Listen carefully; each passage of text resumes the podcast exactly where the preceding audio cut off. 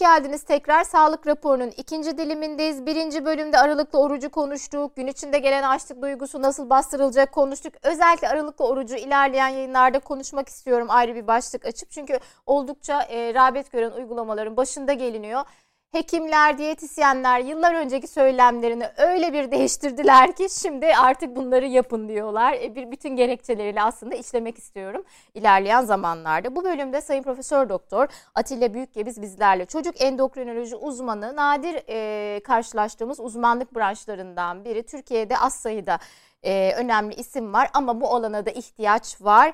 Keza e, çocuklarımız artık daha çok hastalıklarla mücadele ediyor. Geçtiğimiz günlerde bir diş hekimi hanımefendiyle konuşuyordum. E, bütün çocuklar hemen hemen ortodonti tedavisi görüyor. Artık bütün sistem, yapı, fizyoloji değişti. Hormonlu gıdalarla beslenen bir nesil var. Erken ergenliğe giren, erken menopoza giren bir nesil var. Bunlar hep çocukluktan geliyor. Çocukluktan ne yerseniz, ne içerseniz, neye maruz kalıyorsunuz, bedeninizde, fizyolojinizde bunların etkilerini hissediyorsunuz. O zaman da gidiyorsunuz endokrin uzmanlarına beni düzelt diyorsunuz. Hormonları efendim bugün konuşacağız. Şimdi e, Sayın Atilla Hocam hormon bozucular işledi. E, çocuk ve erişkinlerde hormon bozucular isimli bir kitap çıkardı. Hormon bozucular bizim geleceğimizi çalıyormuş efendim. Nasıl çalıyor acaba? Hormonlu gıda yiyenlerde ne gibi hormonal bozukluklar oluyor? Küçükken düzgün yiyeceğiz ki ileride fazla karşılaşmayalım. Hormon dengesini hangi maddeler bozar? Dünyada bazı maddeler yasaklanmaya başlandı. Acaba onlar nelermiş? Son uygulamalar neler? Mutfakta kullanılan hangi malzemelerin zararlı etkileri var? E, pestisitin ne gibi zararları var? Bunları hep böyle aralarda konuşuyoruz yayınlarda ama bugün başka başlık halinde konuşmaya çalışacağız. Sözü uzatmayayım Atilla hocama deneyeyim. Hoş geldiniz, sefalar getirdiniz yayınımıza hocam. Hoş bulduk, merhabalar. Hocam valla kitabı evde unutmuşum. e, kitabınızı takdim edemiyorum ama arzu eden vatandaşlarımız sizin zaten adınızla birkaç galiba kitabınız var hocam. E, edinebilirler. Var. Bence çok önemli bir boşluk olan bir konuya yer vermişsiniz. Şimdi tabii hor, kimyasal deyince öcü gibi korkuyoruz ya hormon deyince de artık biraz öcü gibi korkuyoruz ama e, son, sonuçta vücudu uyaran, canlandıran bir takım fizyolojik etkileri olan e, vücuda sinyal veren e, maddeler güzel hormonlar. E, kararında evet. yerinde salındı mı yapay olmayanı çok güzel. Vücut eksikliğini Allah hissettirmesin ama fazladığı da zor. Hormonları konuşacağız değil mi hocam bugün? Nasılsınız önce? Neredesiniz? Evinizde misiniz hocam? Evimdeyim evet. Şimdi Aşılarımız oldu. Aşılarınız ikinci dozu oldunuz herhalde. İkinci dozda oldu. Bir yan etki var mı hocam? Yok hayır hayır. Zaten bu bilinen bir bir aşı, inaktif aşı. Hı hı. Onun için hiç kork korkmaya gerek yok. İnşallah herkes en kısa zamanda olur. İnşallah hocam. Hocam bu kitabı neden çıkardı? Tabii endokrin, endokrin uzmanı olunca haşır neşir olduğunuz bir konu aslında. Neden, nasıl, ne vesile etti sizi? Hastalarınız mı? Şimdi, ne oldu? E, yıllar önce İzmir'deydim. E, üç tane arka arkaya, 3, 5 ve 6 yaşlarında e, kız, kız çocuğu geldi. Üçünde de me, meme büyümesi var. Yani bizim erken ergenlik olarak tanımlayabileceğimiz bir durum. E, tetkikler yaptık. Her şey normal çıktı. Sonra ben dedim ki bir şey mi yediler bu çocuklar fazla?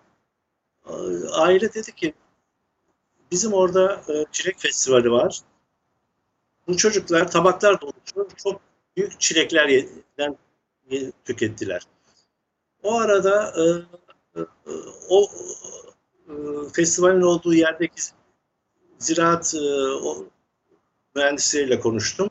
Dediler ki burada e, ödül alabilmek için bu işte gübreler e, e, çok, fazla miktarda kullanılıyor e, ve e, bu çocuklar bunları fazla miktarda tüketiyorlar. Tam o sırada İsrail'den bir yayın çıktı. E, çift e, bu şeyle yumurta İkizleri. ne deniyor büyük evet e, yumurtalar yiyen çocuklarda yine aynı şeyler meme büyümeleri gözlenmiş. Biraz literatür karıştırınca işte 20-30 yıl önce e, bir e, kantinden tavuk eti yiyenlerde gözükmüş ve dolayısıyla e, hormonlarına baktığımızda östrojen seviyeleri yüksek çıktı çocukların. E, bu gıdaları tüketmemelerini söyledik.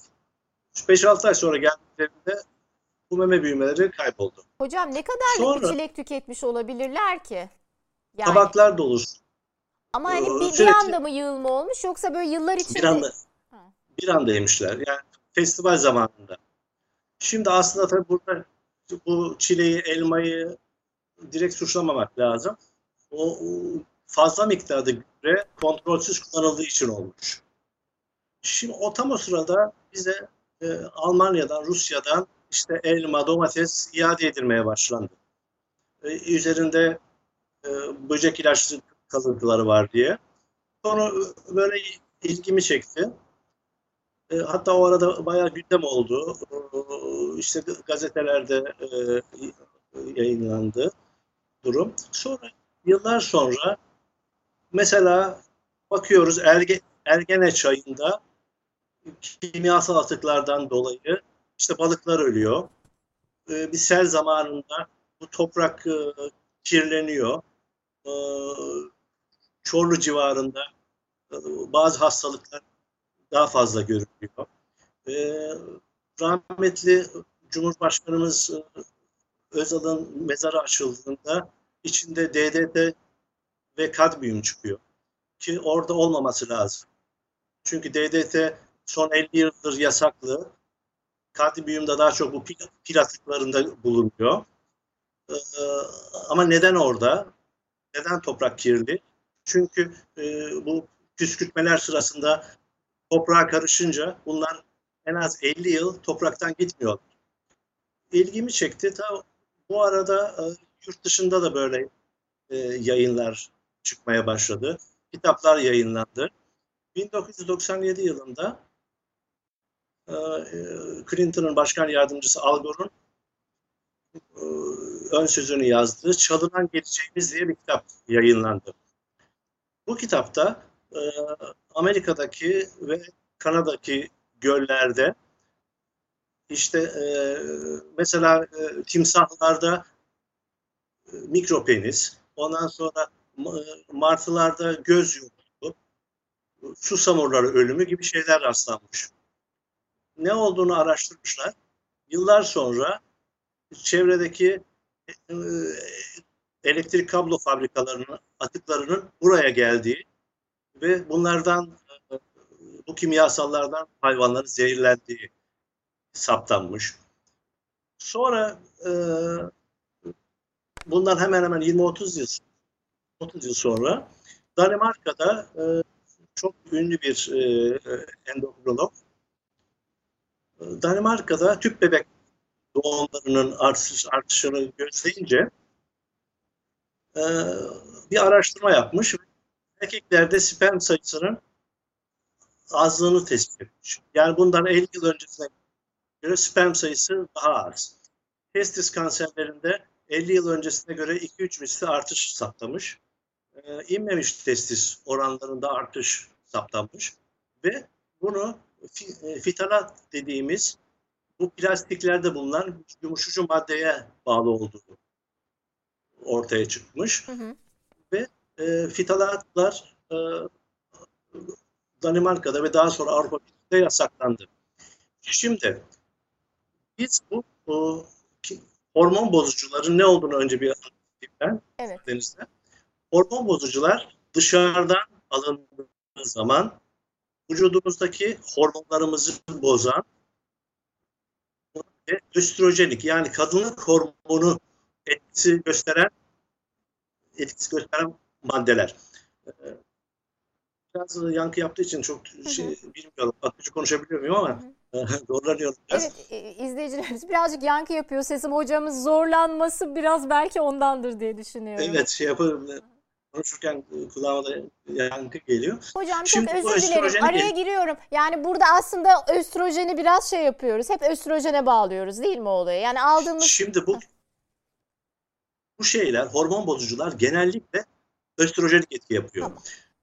Östrojen çocukluk çağında yok denecek kadar azdır biliyorsunuz. Ergenlikte artmaya başlıyor. İşte göğüs gelişmesi oluyor. Sonra adet görülüyor. Boy artıyor. Ee, hemen hemen biz çocukluk çağına 10, 10, 18 18-19 yaşa kadar kabul ediyoruz. O- 18 yaşa kadar ergenliğin bitimini kabul ediyoruz. Onun için çocuklar daha çok etkileniyorlar. Ancak ancak e, erişkinlerde de zararlı görülüyor. Çünkü bu maddeler, bu kimyasallar e, hemen e, atılmıyorlar. Büyük bir kısmı vücutta yağda depolanıyorlar. Yağda depolandığı için yavaş yavaş kana karışıyorlar e, ve zararlı etkilerini gösteriyor. Mesela çok meşhur bir e, e, CNN spikeri vardır. Ander, Anderson Cooper. Anderson Cooper vücudundaki kimyasal maddeleri araştırmış. 100, 150'den daha fazla bu e, kimya e, hormon bozucu dediğimiz kimyasallar bulunmuş. En çok da fitalat olmak üzere. Bu o, kimyasal bozucular daha çok endüstride ilerlemiş, sanayide ilerlemiş ülkelerde görülüyor. Mesela Amerikalıların %85-90'ında idrarlarında bu zararlı fitalat bulunmuş. Peki hocam çok Ee, özür dilerim. Araya girebilir miyim değerli hocam? Tabii, tabii, tabii. Şöyle sanayileşen ülkelerin halkı daha fazla kimyasala maruz kalıyor. Peki bunları e, mutlaka ülkeler biliyordur. Yani şu nedenden dolayı bizim vatandaşımız daha çok kimyasala maruz kalıyor. Hormon bozucuya maruz Evet. kalıyor. Bunları gidermek için e, tıp başka bir çözümleri var mı? Yapıyor mu tıp dünyası? Şimdi Asuman Hanım şöyle. Mesela e, e, bu e, saç kurutma makinelerindeki alev almayı önleyici kimyasallar. E, arabalardaki koltuklardaki e, alev almayı önleyici kimyasallar. E, plastiklerdeki e, yumuşatıcı maddeler. Halılardaki e, teflon malzemelerdeki kimyasallar. Yani yüzlerce kimyasal var. Bunlar zararlarını tespit ettiklerinde yasaklıyorlar. Mesela 2003 yılında Avrupa Birliği 1300 tane kimyasalı yasaklamış. Ee, Ve sürekli bildiri yayınlıyorlar. Bizim ülkemiz de bunlara uyuyor. Bir kısmını e, yasaklıyor. Ee, En bilindiği kısmını nedir hocam? işte belir, En bilineni nedir? Efendim? En bilineni nedir? Yani en Bu- çok en bunların- popüler olan, yasaklanan nedir mesela? Hiç e, adını bile ağzımıza Mesela almayalım. e, fitalat. Fitalat bu çocukların oyuncaklarındaki yumuşatıcı. Mesela Çin'den uzak doğudan gelen oyuncaklarda yumuşaklar ağızlarına alıyorlar, emiyorlar. E, me- mesela bu. Bir diğeri bisfenol A dediğimiz başka bir madde. Bu da Damacanalarda e, oluyor şey- galiba hocam değil mi? Damacana. efendim Damacanalarda çıktı biraz bu. damacanalar, damacanaların iki türünde vardı 3 ve 7 numaralarda. Ama şimdi bunlar da önlendi. Şimdi bu şöyle. Bunlardan kaçmak aslında mümkün değil. Yüksek sıcaklıkta bunlar eriyince şeye karışıyorlar. e, suya ve e, yemeğe. Mesela e, şeyleri, plastikleri mikrodalgaya e, veya işte çam, bulaşık makinesine konsun istemiyoruz. Çünkü e, bu eriyince bu yumuşaklar e, gıdaya karışabiliyor. Bilinçli olmak lazım. Mesela ben bir örnek vereyim. Yurt dışında bir toplantıya katılmıştım. Amerika'dan dönüyorum. Uçağı saatini beklerken kahve içeyim dedim. Baktım orada şey yok. e, Bardak yok. Bir yum- yumuşak e, şeyler vardır ya, plastik bardaklar. Bir Evet. tanesini aldım. Kahve doldurmak istedim. Hemen bir görevli geldi bana. Aldı elimden o şeyi, plastiği. Bir karton bardak verdi. Bununla içeceksin bunu dedi. Kim orada çalışan birisi. Yani bilinçli insanlar e, şeyini biliyor, e, zararlarını. Bir, bir diğer örnek vereyim. Kanada Başbakanı seçim çalışmasında e, 2021 yılında ülkede plastik kullanımını kaldırılacağını söyledi. Ve şimdi planlar yapılıyor. 2000, 2021 yılında plastik kullanımına son verilecek Kanada'da. Biz ne yapabiliriz? Biz tek kullanımlık plastikler belki yapabiliriz. Çünkü bunların alınması sadece şimdi gıdalardaki daki kontrol edilebilir. Mesela işte e, böcek ilaçları kontrollü kullanılabilir. gübreler e, organik e, tarıma dönülebilir. dönülebilir. Çünkü her şeyde gıda maddesinde çok düşük oranda fitoöstrojen dediğimiz doğal faydalı östrojen var. Ama bu e, gübrelemeler ve pestisitlerin kullanılmasıyla e, bu fitoöstrojenler yüksek seviyelere çıkıyorlar. Bu yüksek seviyedekiler tüketilince e, zararlı etki gösteriliyor. gösteriyor. Ama esas önemli olan sanayide kullanılan, kullanılan kimyasallar. Bunlar bunlar e, sulara, atıklara e, karışarak topraktan e, bizi e, zehirliyorlar.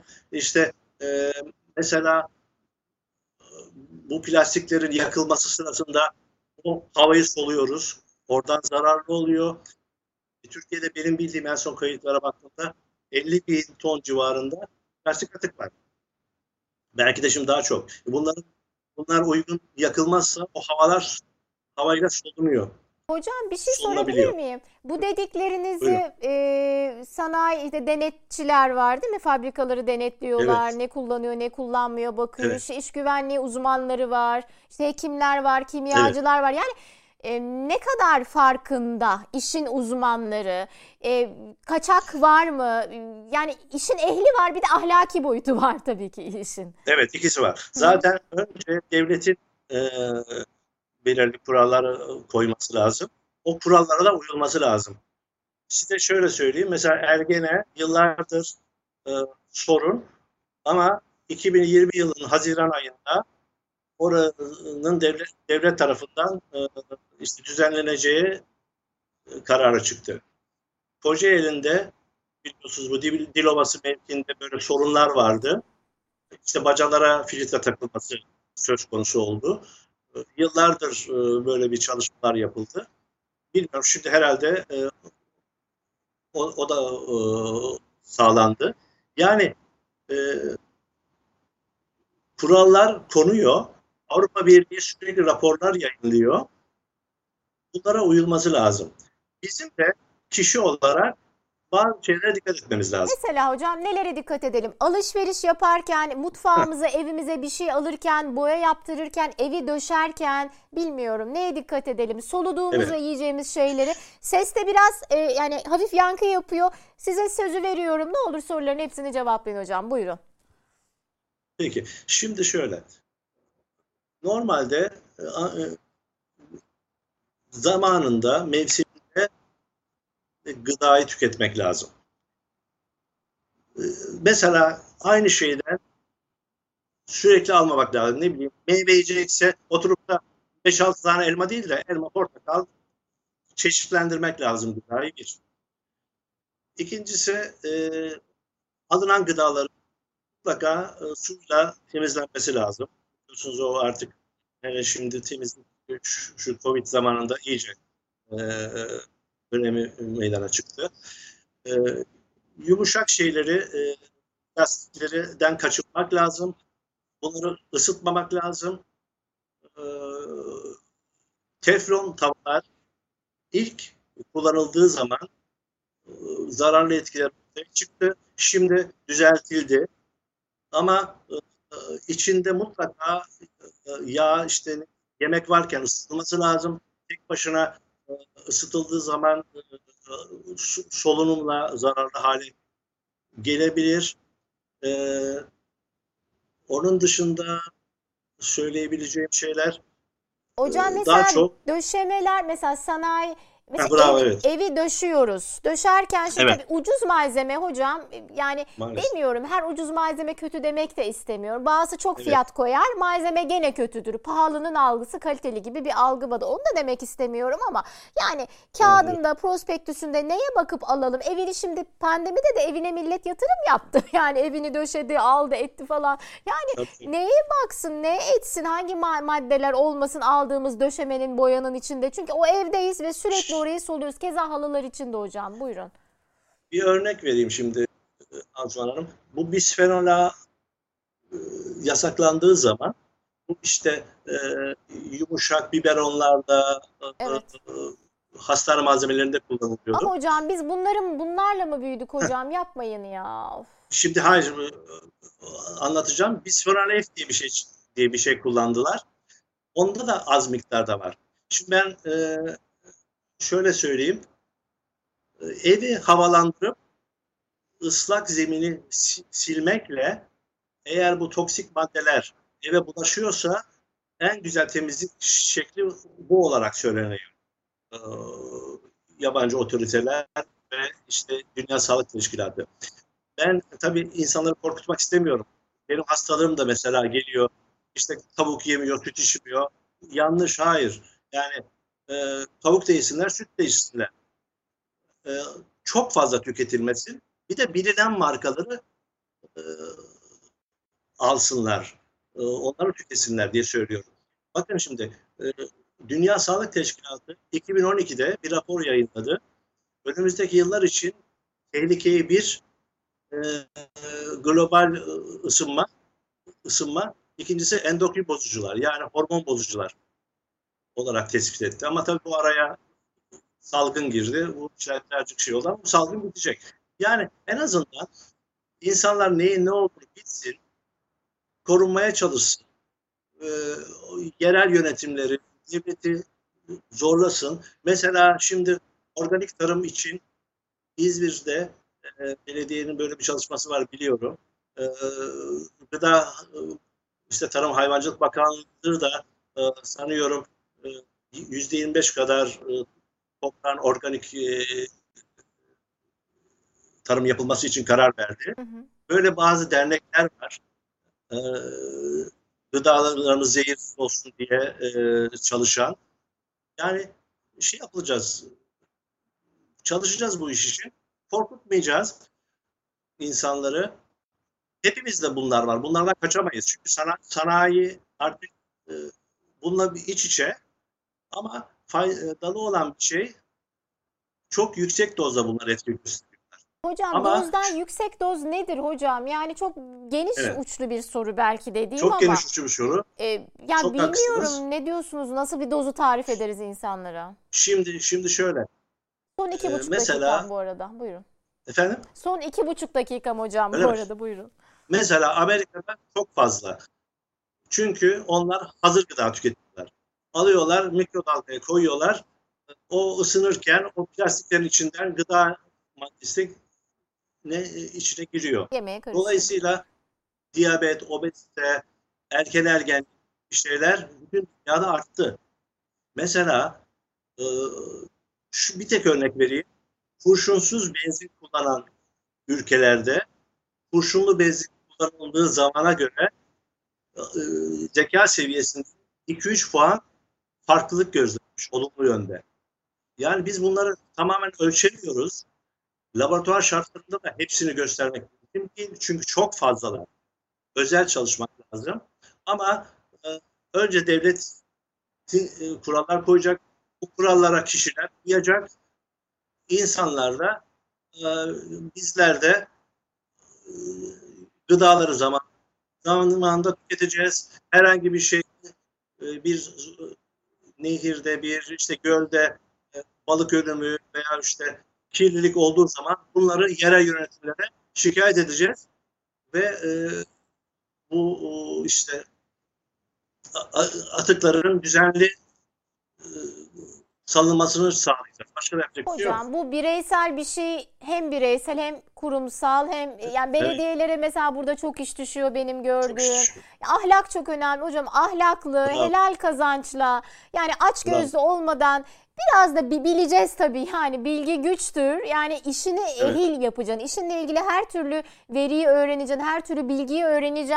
Hepsi bir bütün olursa oluyor hocam. Biz de böyle oradan alayım, buradan keseyim falan oldukça e, biz bunlara maruz kalıyoruz ama son olarak hocam yani bu tam toplumun genel bir sorunu. Yani şunu Evet. diyorsunuz hocam. E, hormon bozucular e, erken ergenliğe çocuklarımız niye giriyor diyoruz. İşte hormon bozucu gıdadan soluduğumuz havaya kadar bunların etkili. Kadınlar niye erken menopoza giriyor? Niye erkekler erkeklerde sperm kalitesi düşüyor? Niye kadınlarda yumurta rezervi gidiyor? Yani bizim ürememizden e, ürememize kadar e, çok geniş bir alanı e, etkiliyor. Yani bunlar Bazı çok, kanser tipleri artıyor. bazı Niye kanser, artıyor? diyabet artıyor. Diyabet çok artıyor, bravo. önemli ya hocam. Yok çare yok yani tip 1 diyabete çare Evet. yok. Yani çocuklar gencecik çocuklar diyabet oluyor. Yani bunların çoğunun nedeni bu yani önleyici sağlık, koruyucu sağlığa daha çok vurgu yapacağız. Bunlar düzelirse daha az doktora gideceğiz. Yani sistem belki böyle işlemiyor sistemin çarkları ama e, ben böyle görüyorum. Son cümlenizi alayım yayını kapatalım hocam. Bir gün stüdyoya gelin daha güzel daha İnşallah. sağlıklı yayın yapalım. Tamam, Buyurun son sağ olun, cümlelerinizi alayım. inşallah. Kurallara uyacağız. Ee, bir meşhur e, İsviçreli tok- toksikoloğun lafı var. Her şey zehirdir ancak uygun dozda kullanılırsa faydalı olabilir. Fazla dozlarda zehir etkisini gösterir.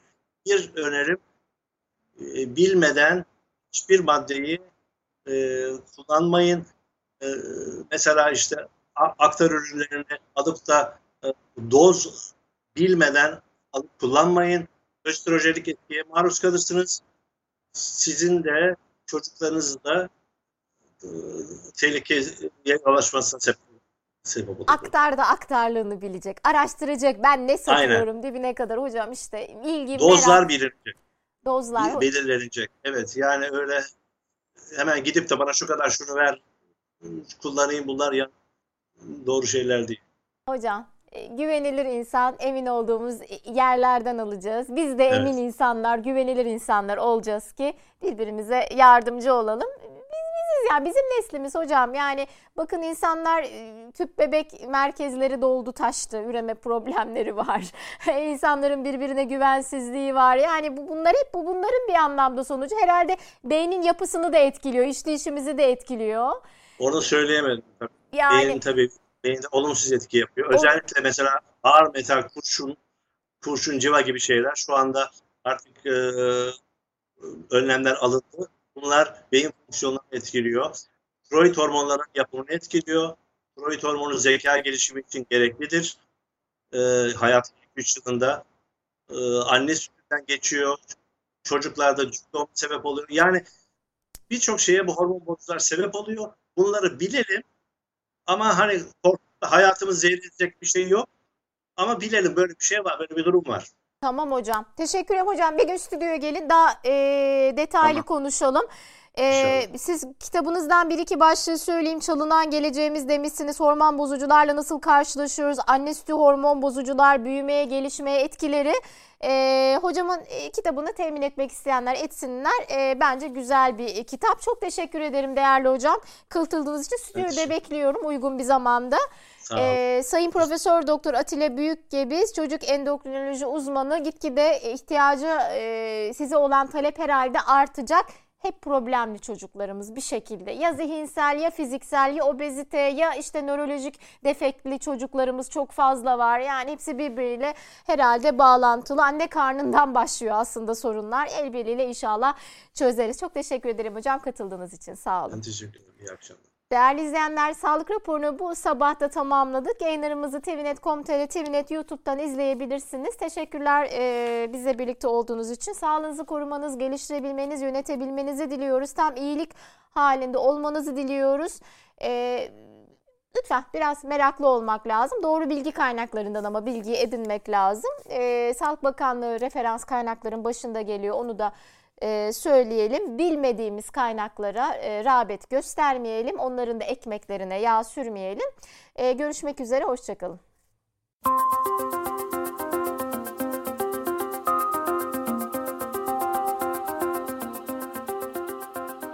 Sağlık Bakanlığı'nın Türkiye haritası üzerinden yayımlanan verilerine göre 8-14 Şubat 2021 tarihleri arasında COVID-19 vaka sayılarının en fazla olduğu iller sırasıyla Trabzon, Rize, Ordu, Giresun ve Samsun oldu.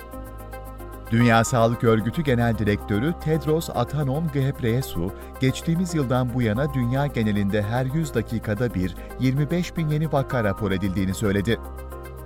Bilim Kurulu üyesi Profesör Doktor Hasan Murat Gündüz, mutant virüslerin %30 daha bulaşıcı olduğu ve tedbirlerin de bu oranda arttırılması gerektiğini söyledi.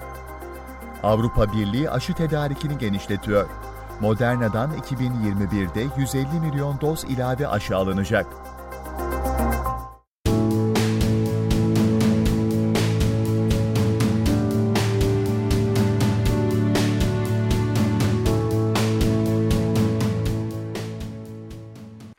Hoş geldiniz. İkinci bölümündeyiz sağlık raporunun. E, Cumartesi gününü e, koronavirüs gündemine ayırdık. Malum e, Türkiye'de artık en başından beri söylediğimiz şeffaflaşma birkaç gün önce yerini biraz buldu. Türkiye'de her bölgede ki hemen hemen bütün vaka sayıları yoğunluk açıklandı.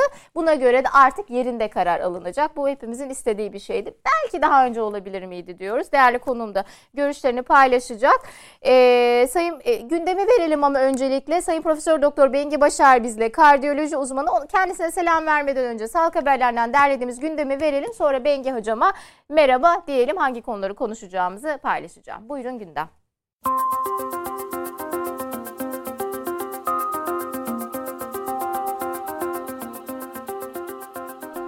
Sağlık Bakanlığı'nın Türkiye haritası üzerinden yayımlanan verilerine göre 8-14 Şubat 2021 tarihleri arasında COVID-19 vaka sayılarının en fazla olduğu iller sırasıyla Trabzon, Rize, Ordu, Giresun ve Samsun oldu.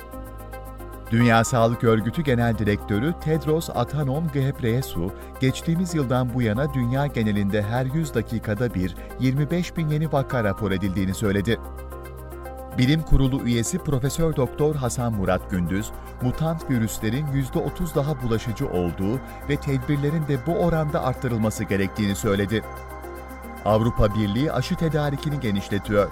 Moderna'dan 2021'de 150 milyon doz ilave aşı alınacak.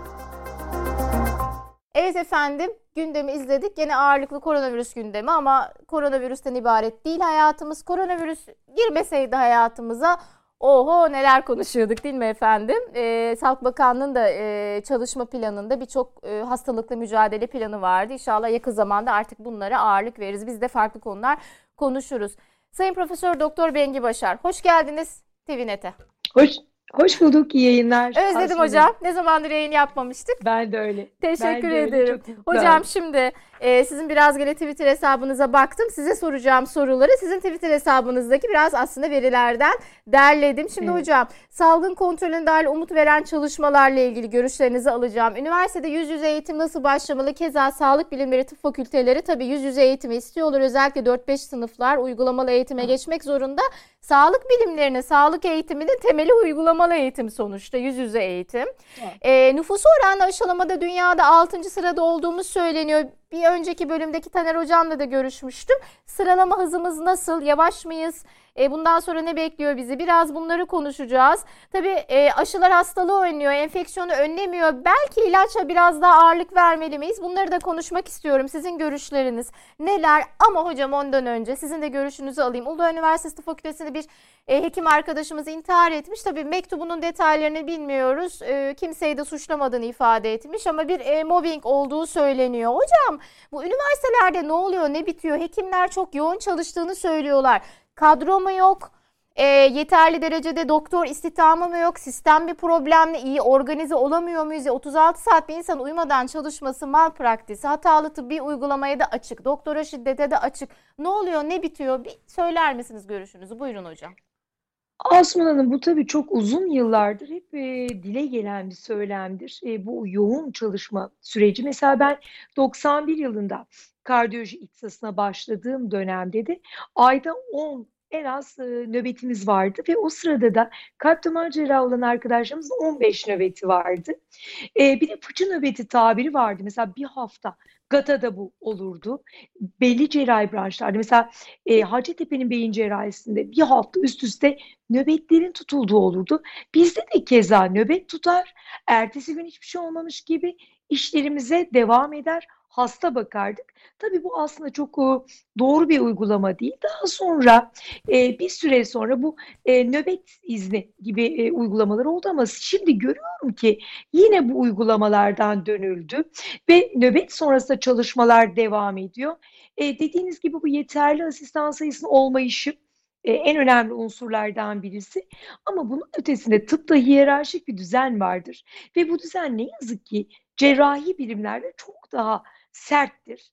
E, hep e, asistanlar acı çekerek bir yok noktaya gelir ve hocalar da o e, geçmişlerinden e, esinlenerek hani biz bu acıyı çektik, e, küçüklerimize çektirmeyip çektirmeyelim demezler ve benzeri şekilde o davranış biçimi olarak süre gelir ve aynı şey alt e, sınıflarına da e, ve asistanlarına ne yazık ki uygulayan bir e, grup hocamız var. Herkes değil tabii ki. E, ancak ne yazık ki bu tarz sıkıntılar uzun süredir var. Ben de mobbinge uğramış bir e, hekimim.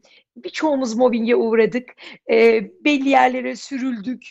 E, yani çok enteresan şeyler yaşadık. Tabii bunlar çok can sıkıcıdır. Antidepresan kullandığımız dönemler olmuştur. Ben de buna dahilim. Anladığım kadarıyla arkadaşımız da çok zorlanmış, e, çok üzerine gidilmiş ve e, her insan her zorluğun üzerinden üstesinden gelecek diye düşünmeyelim. Her yapı farklıdır. Bazı insan güçlüdür, bazı daha güçsüzdür, daha zorlukları kaldırır, daha naiftir ve e, aşamayabilir. E, başka belki problemler de bilmiş olabilir. Tabii. Bilemiyoruz ancak bence mobbingin, bu hiyerarşik düzenin şiddetle yıkılması ve insani şartlarda çalışma sisteminin kurgulanması, nöbet izinlerin uygulanması ve bu 36 saatlik çalışmaların bir an önce sonlandırılması en ivedilikle halledilmesi gereken konulardır diye düşünüyorum. Şimdi bu ast üst ilişkisi mobbing vatandaşı niye ilgilendiriyor? Orada mutsuz oldukça e, hastayla yüz yüze geldiğinde hastaya da o mutsuzluk geçiyor. Doğru. Sıkıntılı e, birçok uygulama oluyor. Sağlıkta şiddet, birbirinin kalbini kırma, işini yapamama, mesleğin yerine yerine getirmeme Doğru. gibi sonuçlar da çıkıyor. O yüzden bu hepimizin meselesi. Sadece bu sağlık sektörünün içinde olan bir mesele değil. Onu söyleyelim. Çok teşekkürler. Hocam şimdi e, salgın kontrolüne dair umut veren çalışmalar neler? Biraz e, baktım sizler araştırmışsınız. Ne var hocam? Vallahi e, şöyle en önemlisi bu göze çarpanlardan benim de paylaştıklarımdan molnupiravir. Güzel bir ajan. E, virüsün hücre içine girip orada çoğalmasını engelliyor. E, bu çalışmaların birçoğu gelinciklerde yapılıyor, hayvan çalışmaları. Ve faz 2-3'e geçiliyor e, akabinde. Bu çalışmada da yine gelinciklerle niye yapılıyor? Bu AC2 reseptörleri insanlarla çok büyük benzerlikler gösterdiği için bu hayvanlar, ferret denen bu hayvanlar seçiliyor. Bu çalışmada da çok e, ciddi anlamda replikasyon önlenmiş yani virüsün çoğalması, bulaştırıcılığı ve çok büyük bir ümit verici molekül olarak bahsediliyor. Yine benzer şekilde Almanlardan da bir molekül gelmişti ve 2022'nin başında acil kullanım onayı almayı planladıklarını söylemişlerdi. Yine hayvan çalışmalarında çok başarılı oldu ve faz 2-3 insan çalışmalarına geçme evresindelerdi onlar da. Ee, insan çalışmaları biraz daha ağır yürüyor tabii bu tip e, çalışmalarda. Dolayısıyla biraz daha vakit alıyor ve yaklaşık bir yıl içinde pek çok ilacın devreye gireceği beklentisi var hepimizde. Göze çarpan moleküller işte e, bunun ötesinde çok enteresan ben hep başından beri uzun süredir dillendiriyorum. Evet hep aşının üzerinde duruyoruz. Aşı çok önemli. E, salgından çıkışta yıllar boyunca sürecek bir hastalıkla mücadelede ki aramızdan uzun yıllar ayrılmayacak bu virüs. Artık bunun bilincindeyiz ve düzenli olarak tıpkı grip aşısında olduğu gibi çocukluk aşılarında olduğu gibi çocukluk hastalıklarının bu da benzer şekilde düzenli yapılacak bir aşılama protokolüyle gidecek ama sadece aşı değildir bir hastalıkla başa çıkmanın yolu. E, bulaşıcılığı engelleyecek başka yöntemler de olmalıdır. Buradan yola çıkarak ve özellikle bu virüste burundan tutunma çok önemli olduğu için en büyük gelişmelerden biri de daha önce de nanobodilerden bahsedildi.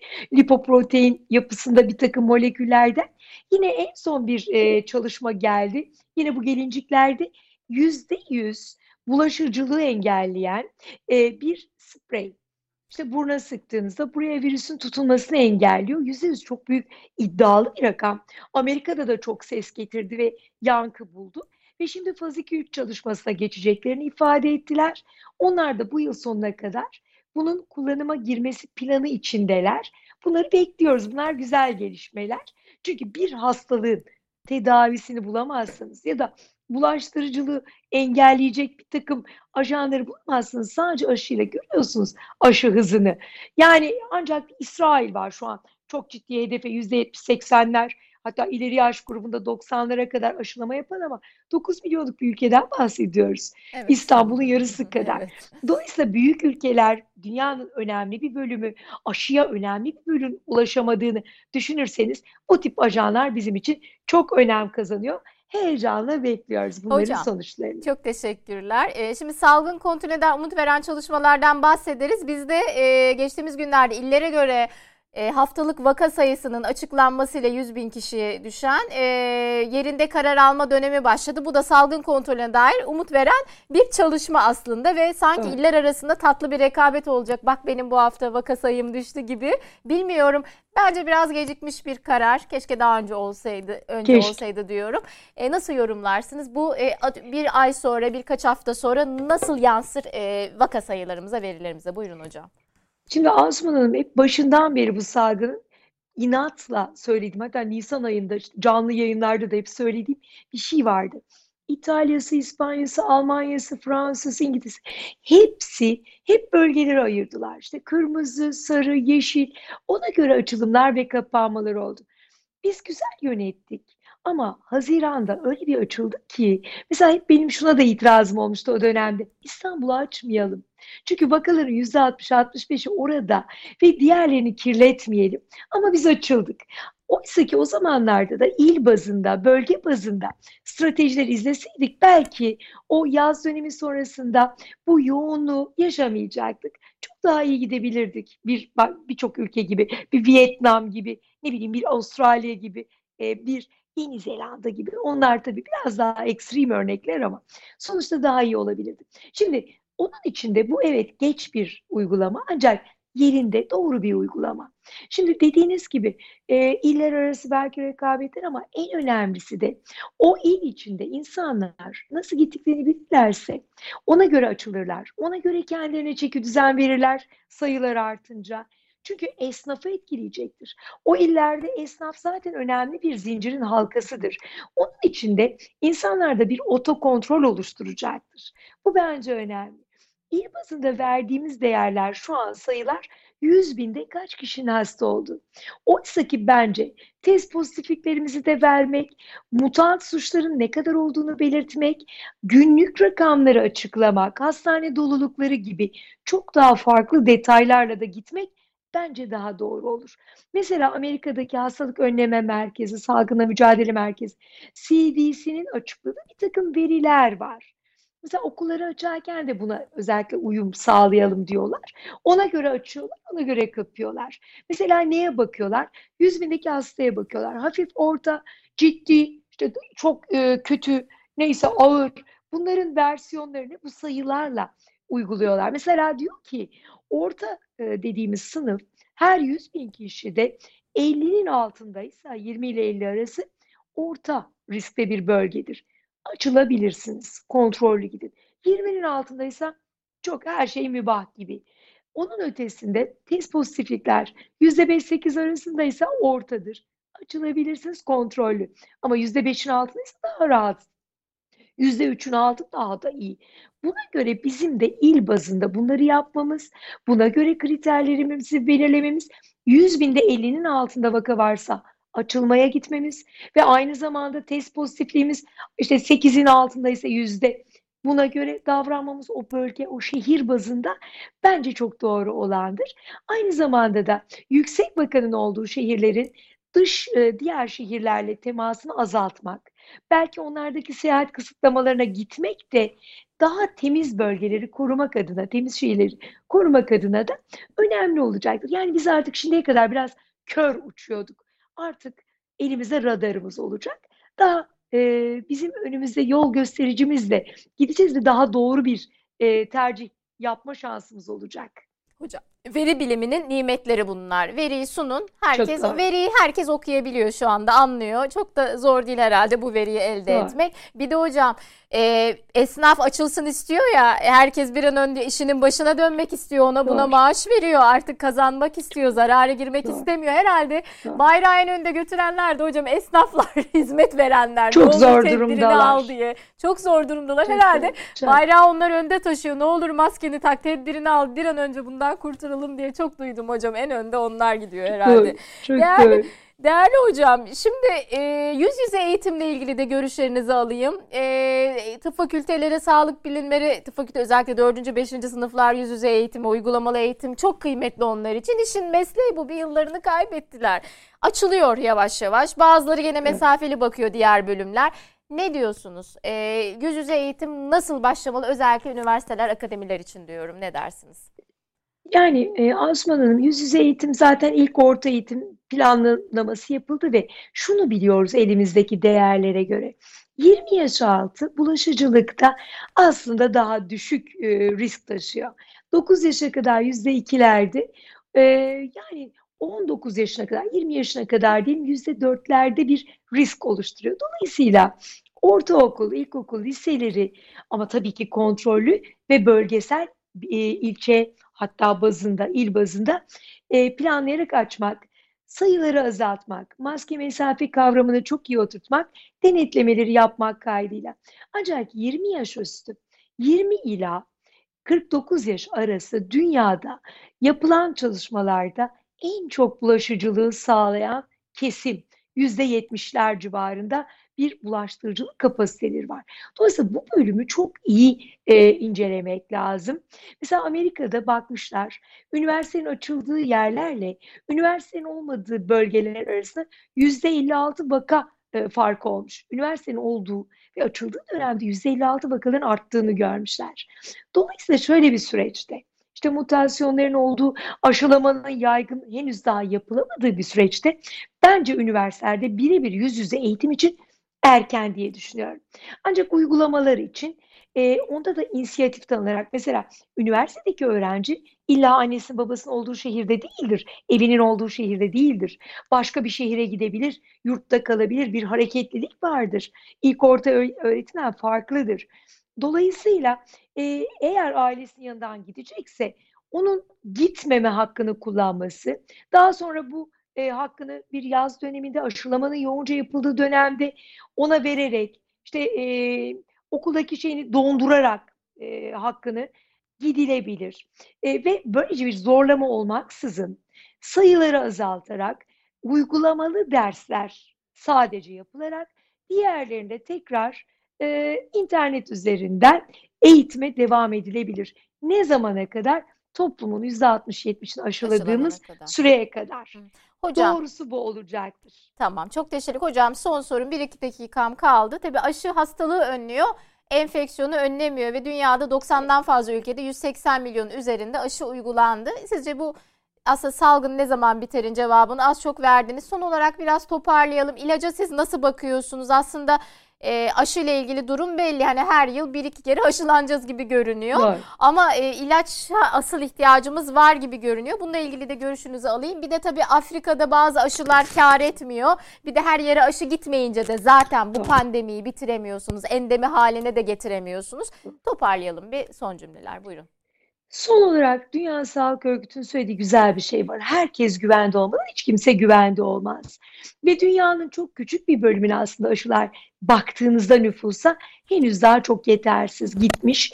Dolayısıyla aşı net bir çözüm, kesin bir çözüm olmayacak kısa vadede. Evet, önleyici olacaktır ama uzun vadede. Dolayısıyla bir hastalık için mutlaka onu en az %90-95 tedavi eden, rahatlıkla alabileceği bir tabletle tıpkı influenza'da, domuz gribindeki gibi bir tedavinin ortaya çıkmasıyla olacaktır. Yatan hastalarda tedavilerde çok gelişmeler oldu ağır vakalarda. Mesela bir dexamethasone recovery çalışması bir kolu açıklandı. Dexamethasone gibi ucuz bir ilaç dünyada şimdiye kadar 650 bin kişi ki bu Temmuz'dan itibaren daha standartize edildi, kullanılıyor. 650 bin kişi e, hayata bağlamış. Yani ilaçlar önemli. Biz yoğun bakımdaki bir takım tedavileri öğrendik. İlk zamandaki gibi savunmasız değiliz. Daha yeni uygulamalarımız var. E, kötüleşen akciğerleri için işte bir takım antivirallerimiz var ama hiçbirisi çok kesin tedavi değil. Onun için tedavi alanında da çalışmalar çok yoğun sürdürülüyor. Umutla bekliyoruz. Çünkü bu işte bu hastalıkta kesin bir tedavi bulunmadan biz oh rahat ettik diyemeyeceğiz hiçbir zaman. Tamam hocam çok teşekkürler. Kapatmadan Afrika'dan bir e, bir çocuğu seven bir Türk e, var. İşte Sevgi gerçek sevgi e, ve çocuğun da her zaman sevgi ihtiyacı var. Nasıl gerçek sevgiyi bir Türk vermiş? Hemen onunla ilgili bir videomuzu e, verelim. Sonra e, Bengi hocam alasma aldık diyelim. Seni seviyorum. Seni seviyorum. Agnes. Anne. Yoruldum. Yoruldum. Bu ne böyle ya? Yoruldum ya. Sen çok tatlısın. Gerçekten tatlısın. Sen daha tatlısın. Ya sen Ya seni seviyorum. Seni seviyorum. Seni seviyorum. Seni seviyorum. Seni seviyorum.